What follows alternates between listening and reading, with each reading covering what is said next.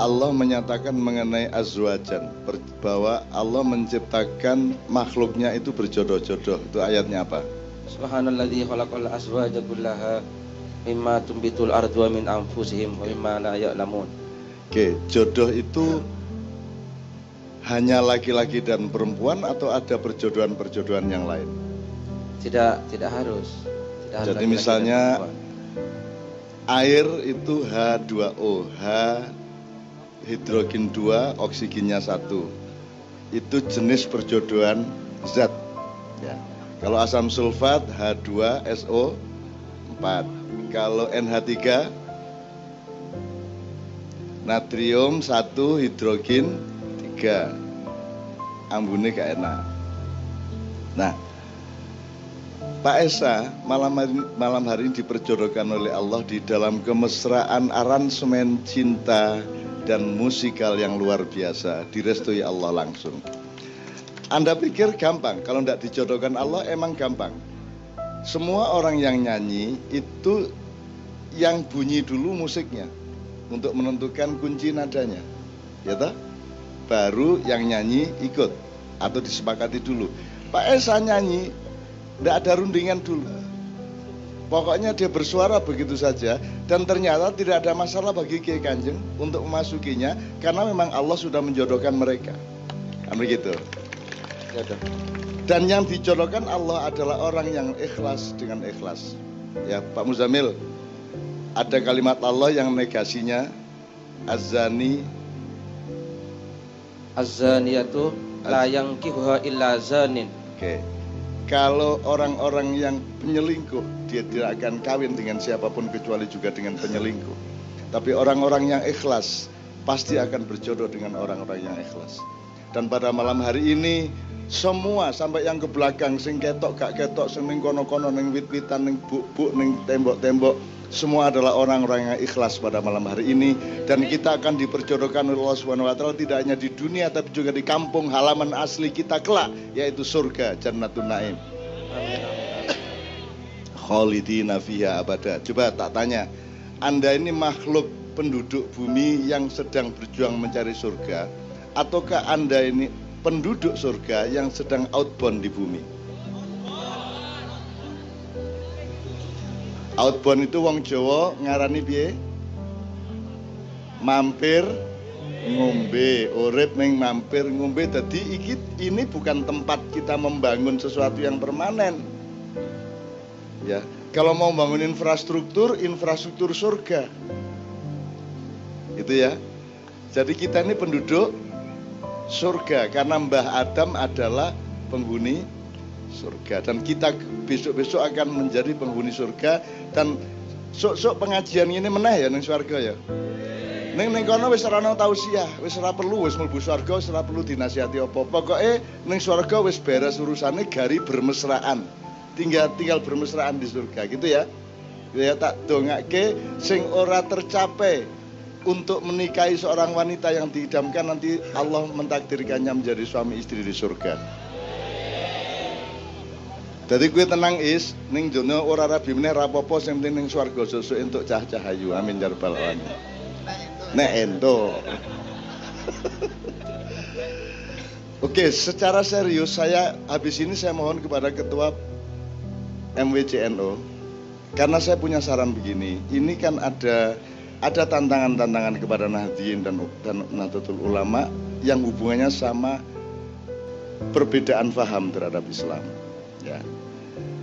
Jadi sekarang ini umat NU sedang berhadapan dengan tafsir-tafsir baru mengenai banyak hal. Misalnya mengenai tahlilan, mengenai kenduren, apa meneh? Weweh, selawatan, ziarah kubur,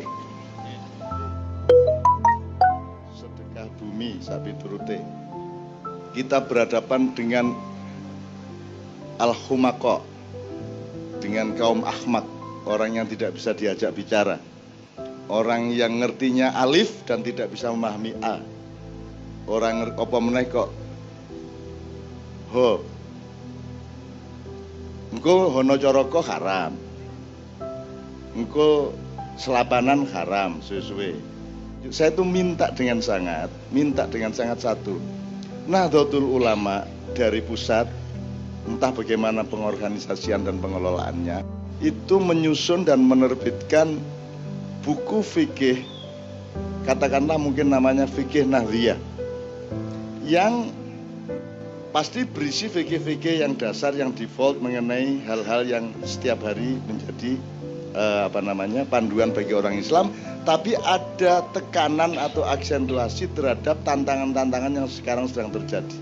Jadi ada fatwa yang jelas mengenai ziarah kubur, ada fatwa yang jelas mengenai kenduri, ada fatwa yang jelas mengenai selawatan, musik dan lain sebagainya panduan resmi dari Nahdlatul Ulama kalau ada itu akan sangat bagus sehingga kita tidak setiap kali buka meneh buka meneh aku kudu jelaskan meneh ibadah mahdho begini muamalah begitu dan seterusnya. Kalau ada buku panduannya tinggal dicetak kembali dibagi. Dan itu sebenarnya tidak ada masalah dengan semua faham-faham baru itu kalau Nahdien sendiri punya pemahaman yang ceto mengenai Islam sebenarnya. Pertahanannya cuma itu. Tidak usah marah kepada orangnya. Kalau orangnya punya pendapat kayak apa pun, biar saja. Asal Anda sendiri yakin dengan yang Anda pahami mengenai Islam. Gitu. Termasuk Kiai Kanjeng sejak tahun 90-an awal ya wis diharam-haram kayak gitu. Kita pernah pentas di Ancol ya diprotes karena haram. Karena menurut mereka musik itu haram. Jadi nanti saya ini urung paham Kiai Kanjeng musik haram ki piye. Sing, sing dimaksud musik ki apa nih? apane unine lagune. Nek lagune kiroah iya nganggo musik. Ngimami yang nganggo musik masuk ngimami. Masuk adzan bunga-bunga lobar lobar. Ayo lo salah enggak bisa. Itu pun musik loh. Namanya rap itu. Allahu Akbar, Allahu Akbar. Ayo sholat, ayo falah. Itu ya musik. Jadi sing piye sing ora entuk iki nadane, nek nada ora entuk ngomong berarti banyak haramnya. Mergo ngomong mesti nganggo nada. Piele kabare? Kan ada nadanya. Kalau orang Madura tidak rembek sampian tidak rembek cong yang itu kan itu nada. Sing diharamke sing ngendi nah irama bagaimana hidup tanpa irama? Bunyi bagaimana hidup tanpa bunyi? Kan begitu. Jadi yang diharamkan alatnya. Alatnya. Lalu terus untuk apa? Allah menciptakan benda, menciptakan kayu, menciptakan logam. Kalau tidak untuk kita nikmati, sepanjang tidak melanggar syariat Allah. Maka kita harus paham sing jenenge melanggar sing kepriye. Moga kita ulang satu lagi ya. Kita ulang satu satu tok aja. Islam itu terdiri dari tiga setengah persen dari ayat Al-Quran yang namanya ibadah mahdho. Yang 96 setengah persen itu ayat-ayat yang menyangkut ibadah muamalah. Kita aja gampangannya ya. Istilahnya boleh beda. Tapi pokoknya Mahdo adalah yang oleh Allah diperintahkan langsung atau dilarang langsung. Kalau muamalah adalah inisiatif manusia untuk mendekat kepada Allah. Jadi kalau mahdo itu dari langit ke bumi, kalau muamalah dari bumi ke langit, gitu ya. Nah, mahdo itu iki mengbaleni loh, ya aku ora ceramah iki mengbaleni pemahaman. Mahdo ki pokok ingin iki pedomane. Ojo jangan melakukan apa pun kecuali yang aku perintahkan. Ngono. Jadi kalau tidak diperintah Allah tidak usah dilakukan. Jangan lakukan apa pun kecuali yang diperintahkan oleh Allah Subhanahu wa taala melalui Rasulullah sallallahu alaihi wasallam. Kalau muamalah lakukan apa saja. Apa wae sakarepmu asal tidak melanggar syariat Allah. Kan gitu. Jadi mancing untuk orang. Kanjeng Nabi tahu mancing orang. Neng mancing untuk orang ya kecuali mancing neng kolame tonggomu nah, kuwi sing sang salah udah mancingi neng neng panggonane kan gitu. Jadi lakukan apa saja asal tidak melanggar syariat Allah. Kan begitu? Sudah bebas apa saja. Nanti Pak Muzamil tolong menjelaskan konteks kalimat wama khalaqtul jinna wal insa illa liya'budun. Kalimatnya bukan ini kholaktul jinna wal insa budun tapi kalimatnya adalah wama kholaktul jinna wal insa illa budun nanti dulu macam ini ini urutannya begitu nanti PR dulu nah jadi sekarang ngerti ya kenduren untuk orang ada melanggar Islam enggak? Melanggar silaturahmi enggak kenduren? Baik enggak untuk silaturahmi? Mengakrabkan seduluran orang? Ya, karo nulung wong sing ora iso. Nggih. Kowe kan seneng nek ana kenduren. Nek ora diundang kan kowe kelintar-kelintar ngarepe omahe. Bukan hanya boleh, dia baik. Yang tidak boleh adalah nek kue nganak-nganak ke. Jadi bukan kendurennya yang tidak boleh nganak-nganak ke. Wong kue di utang oke, wong datang traktir wong oke kan begitu. Gitu loh. Jadi apalagi yang solawat. Solawat itu kan pernyataan cinta kepada Rasulullah kan begitu. Nah kalau da, solawat tidak boleh lah. Kalau tahiyat kan nganggo solawat. Tapi ya dan terus tahiyatnya dipotong gitu. Kenapa kita bersolawat? Karena Allah akan menjadi lebih dekat denganmu kalau engkau mencintai kekasihnya kan begitu. Kalau kita berdoa kepada Allah langsung tanpa sholawat berarti yang kita andalkan adalah diri kita sendiri. Saya tanya, bisa nggak dirimu diandalkan di depan Allah?